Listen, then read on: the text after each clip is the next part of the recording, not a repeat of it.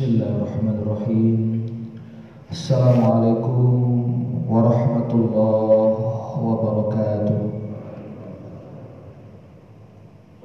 Alhamdulillahi rabbil alamin Assalatu wassalamu ala rasulil amin Sayyidina wa habibina wa maulana Muhammad Sallallahu alaihi wasallam وعلى آله وأصحابه أجمعين. أشهد أن لا إله إلا الله وأشهد أن محمد رسول الله. رضيت بالله ربا وبالإسلام دينا وبمحمد نبيا ورسولا سبحانك لا علم لنا إلا ما علمتنا. إنك أنت العليم الحكيم. La hawla wa la quwwata illa billahil aliyyil azim.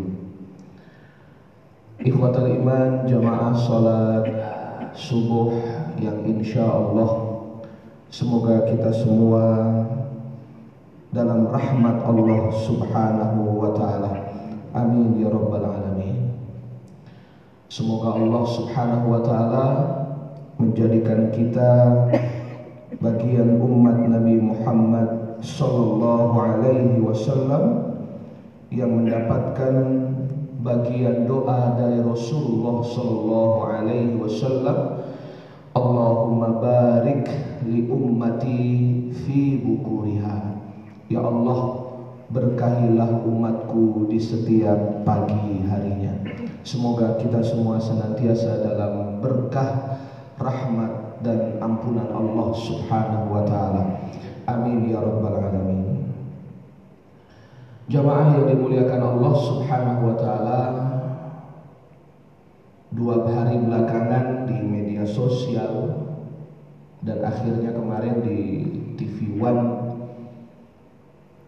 viral sebuah pernyataan tentang tiga orang anak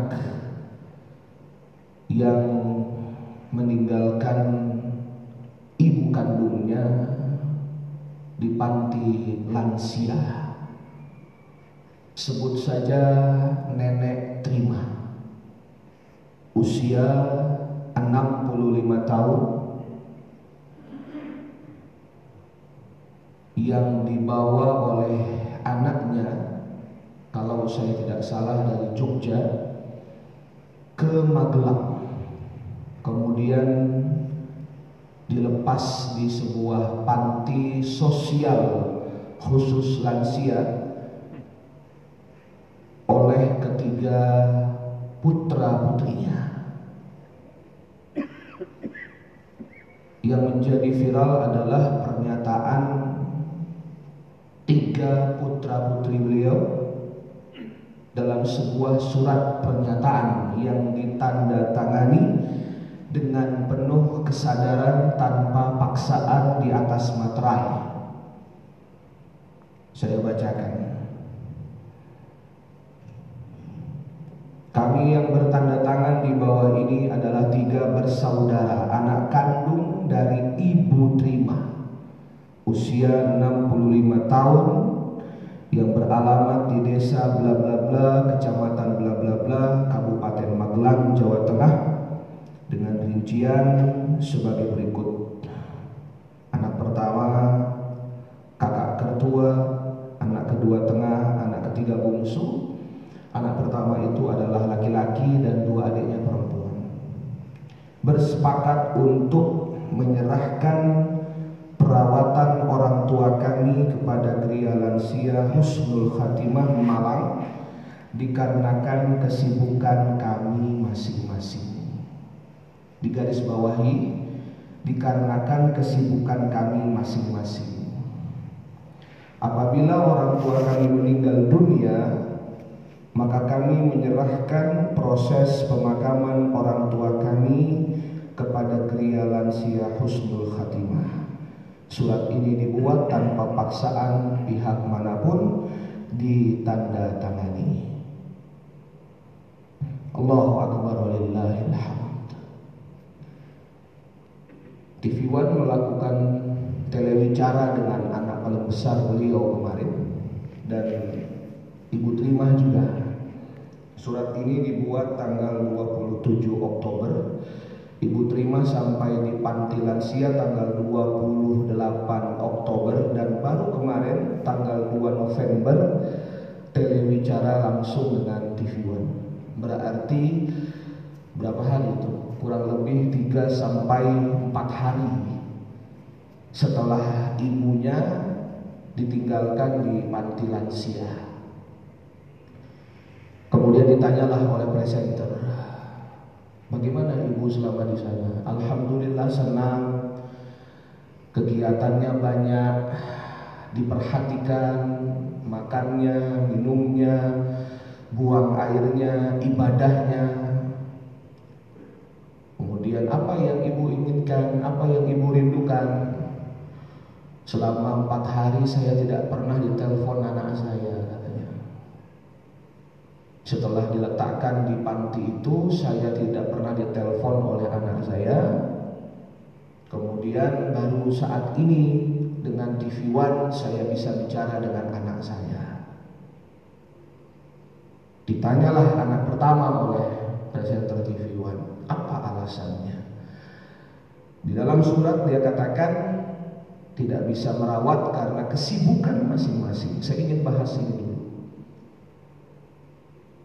Allah Subhanahu wa taala berfirman, "Imma yablughanna 'indakal kibara ahaduhuma aw kilahuma." Kalau salah satu atau dua-duanya berusia lanjut dalam pemeliharaanmu. Berarti dalam ayat ini seakan-akan orang tua usia lanjut itu berada dalam penguasaan anak-anaknya. Ayat ini secara implisit memberikan informasi kepada kita umat Nabi Muhammad Sallallahu Alaihi Wasallam bahwa orang tua usia lanjut sebaiknya dalam tanggungan anak-anak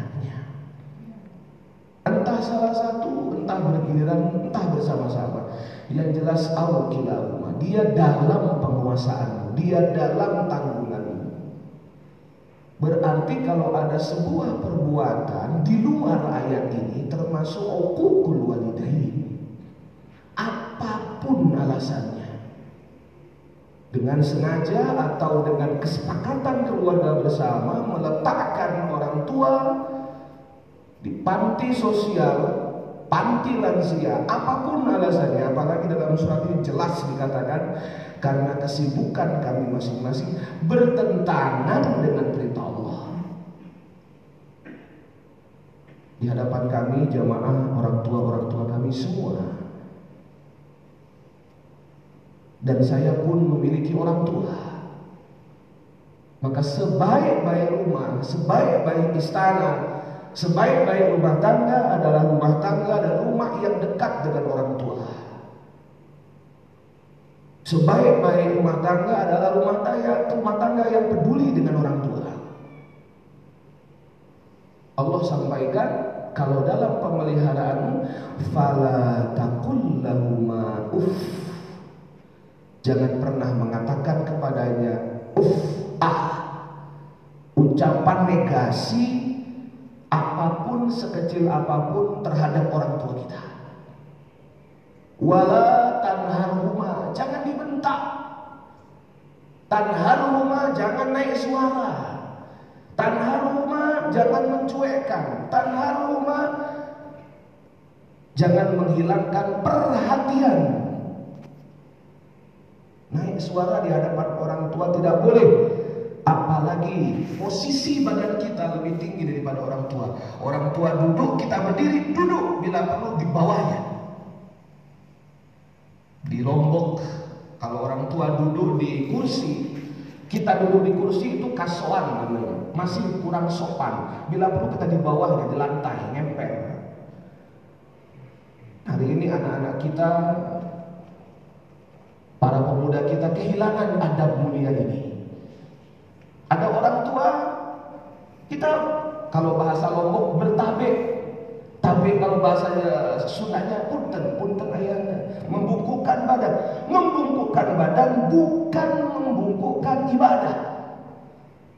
Tapi tahrim, takzim, menghormati orang tua, bahkan mencium tangan orang tua sebuah kewajiban.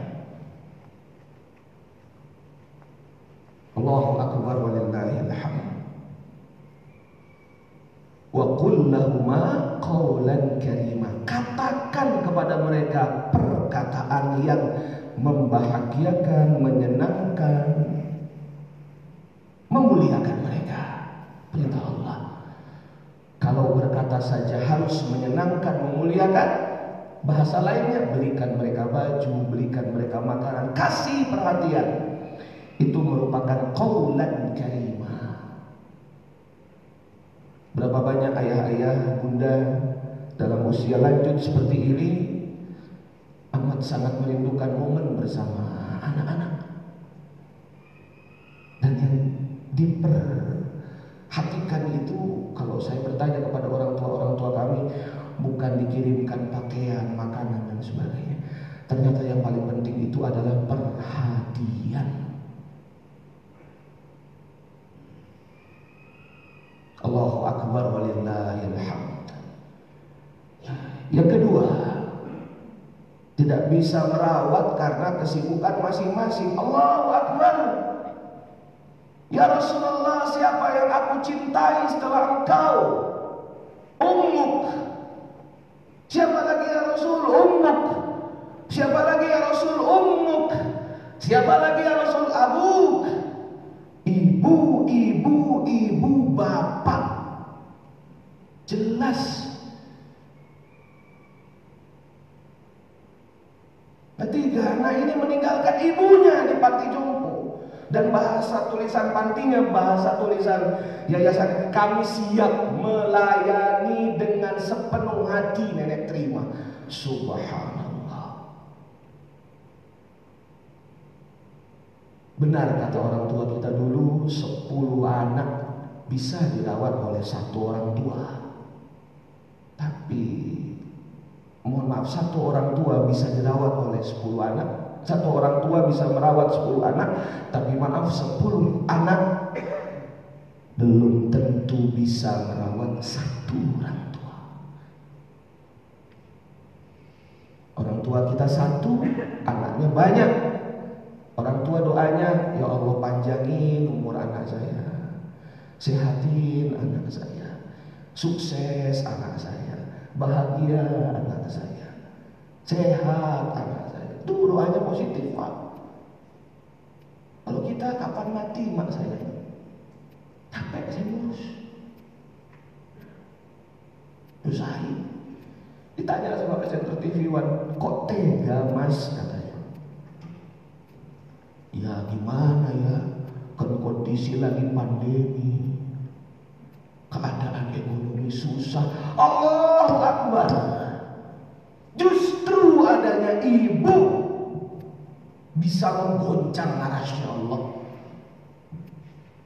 Rawat ibumu dengan baik, bukan sekedar kasih rumah, bukan sekedar tinggal bersama, beri perhatian, perlakuan terbaik. Allah buka aras itu.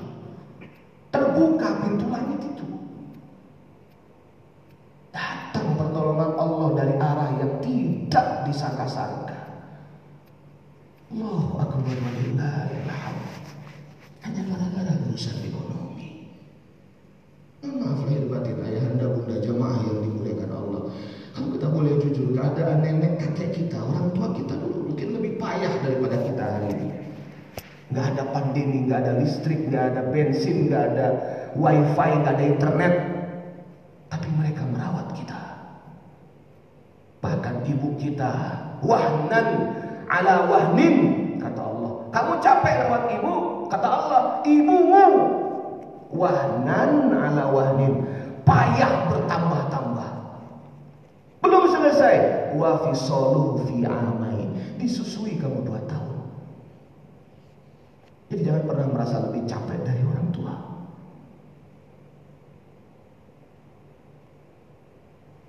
Ya,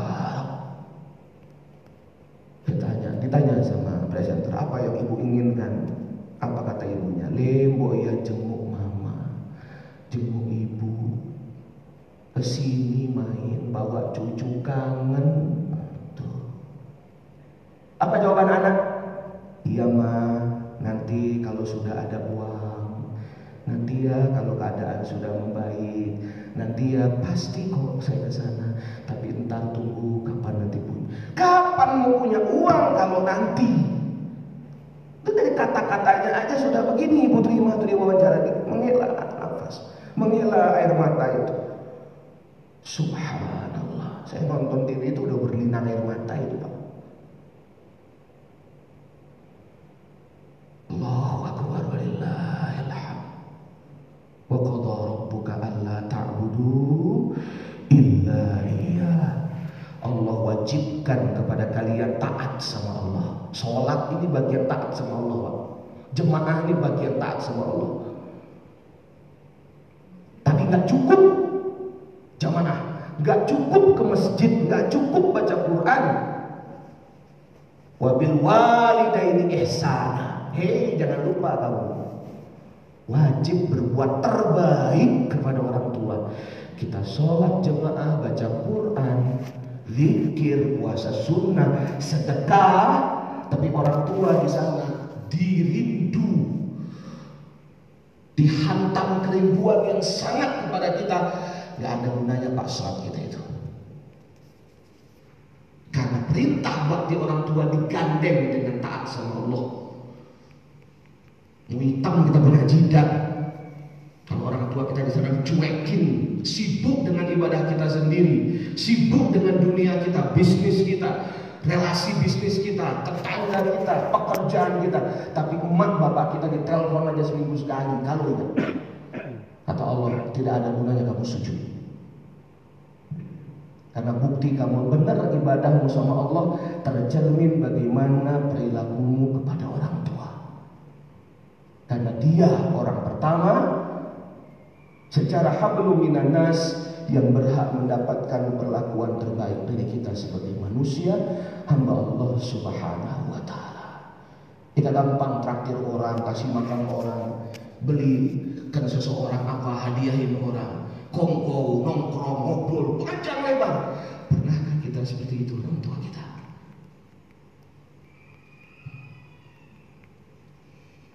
Allahu akbar walillah. Tapi jamaah yang dimuliakan Allah dalam Mukhtasar Tazkiratul Qurtubi kitab yang ditulis oleh Imam Al-Qurtubi nanti di hari kiamat orang yang paling sibuk adalah baginda Rasul Nabi Muhammad sallallahu alaihi wasallam. Beliau sallallahu alaihi wasallam sibuk Pak mencari umatnya. Dia nggak akan masuk surga sebelum semua umatnya masuk. Kemudian dilihat ada seorang ahli, ahli neraka lagi disiksa oleh Allah. Rasulullah katakan, Ya Allah, izinkan saya berikan syafaat sama dia. Karena dia umatku. Apa kata Allah? Ya Rasulullah, dia masih punya orang tua. Orang tuanya sudah di surga. Kamu tidak bisa memberikan syafaat sebelum mendapatkan ridhonya. Rasul naik tak ke surga. Rasul sampaikan, anakmu dalam neraka. Ridhokah kamu untuk memaafkan kesalahannya? Rasul datang kepada orang tua itu. Apa kata orang tuanya? Ya Rasulullah, hati saya sudah tergores dengan perbuatannya, perkataannya yang menyakitkan. Kemudian Nabi angkat tangan. Ya Allah, lembutkan hati orang tuanya. Berikan saya kesempatan membawa orang tuanya agar dia melihat anaknya yang disiksa. Jadi nanti di akhirat itu ada yang orang tua ke surga, ada anak yang ke neraka, Pak. Karena orang tuanya sudah optimal mendidik. Tapi ternyata anaknya bermaksiat. Orang tua lepas tanggung jawab. Kecuali orang tua yang tidak pernah mendidik, baru dia mendapatkan dosa tanggung jawab karena lalai mendidik anak. Dalam konteks ini, orang tuanya sudah mendidik anak dengan optimal. Dibawa orang tuanya sama baginda Nabi SAW. Dilihat anaknya disiksa payah dalam neraka. Baru berlinang air mata emaknya. Tidak ada anak yang ketika mendapat kesulitan orang tuanya kecuali orang tuanya pasti bersimbah air mata. Ya Allah kasihan anak saya. Aku ridho, aku maafkan kesalahannya. Rasulullah kamu bisa memberi syafaat sama dia. Mereka masuk surga sekeluarga. Apa hikmahnya jemaah?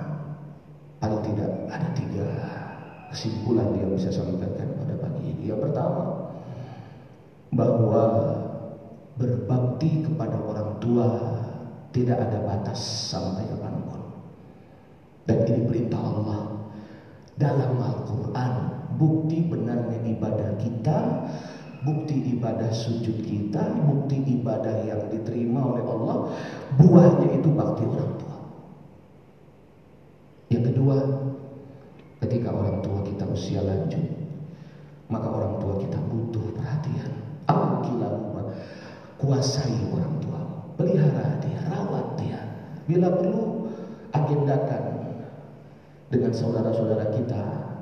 Saya hari ini, minggu depan kamu, minggu depan kamu. Gantian supaya semua rumah itu dapat berkah. Tapi memang orang tua kadang-kadang begitu ayah. Kadang-kadang mohon maaf, gak mau ngerepotin anak. Betul lah ya, disuruh nginep di rumah anak tuh gak enak. Lebih enak rumah sendiri. Di rumah anak itu Ya, kadang-kadang disuruh makan, tidur, makan, tidur. Kalau di rumah itu bisa nyuci, bisa nyapu. Tapi hati ini tidak pernah ridho gitu. Pengennya orang tua itu ada. Sama kita. Kita yang merawat, kita yang membesarkan, kita yang menyenangkan, kita yang memperhatikan. Ya ini perlu ada komunikasi yang bagus antara kedua orang tua. Dan ini merupakan berbakti yang pahalanya besar di sisi Allah Subhanahu tapi yang ketiga dalam kitab Muhtasar Al-Qurtubi ada orang yang jauh lebih cinta kepada kita. Ada orang yang jauh lebih perhatian kepada. Bahkan ada orang yang jauh memikirkan kita bahkan nanti di akhirat yang tidak ada hubungan pertalian darah dengan kita sekali. Siapa beliau? Beliau adalah baginda Nabi Muhammad sallallahu alaihi wasallam. Bahkan cinta perhatiannya melebihi perhatian orang tua kita. Kata para ulama, pancing syafaat Rasul Shallallahu Alaihi Wasallam itu dengan kita birrul walidain, dengan kita berbakti kepada orang tua, dengan kita menyenangkan orang tua, berbakti kepada orang tua, kita sedang menyenangkan Nabi Muhammad Sallallahu Alaihi Wasallam. Di akhir kultum ini mari kita sama-sama berdoa kepada Allah Subhanahu wa taala. Semoga orang tua kita yang masih hidup Allah berikan panjang umur dalam taat kepada Allah. Allah berikan kesehatan lahir batin orang tua saya Abi Ihsan. Semoga Allah berikan kesembuhan, Allah angkat penyakitnya. Allah berikan kesembuhan tanpa tersisa sedikit pun penyakit.